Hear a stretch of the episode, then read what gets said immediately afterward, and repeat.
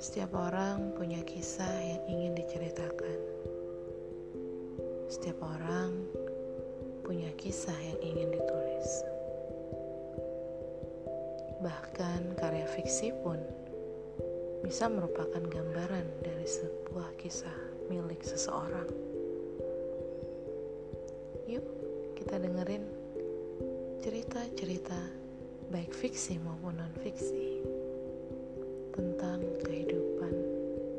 ada di dunia ini yang merupakan perwakilan dari kehidupan tiap orang. thank you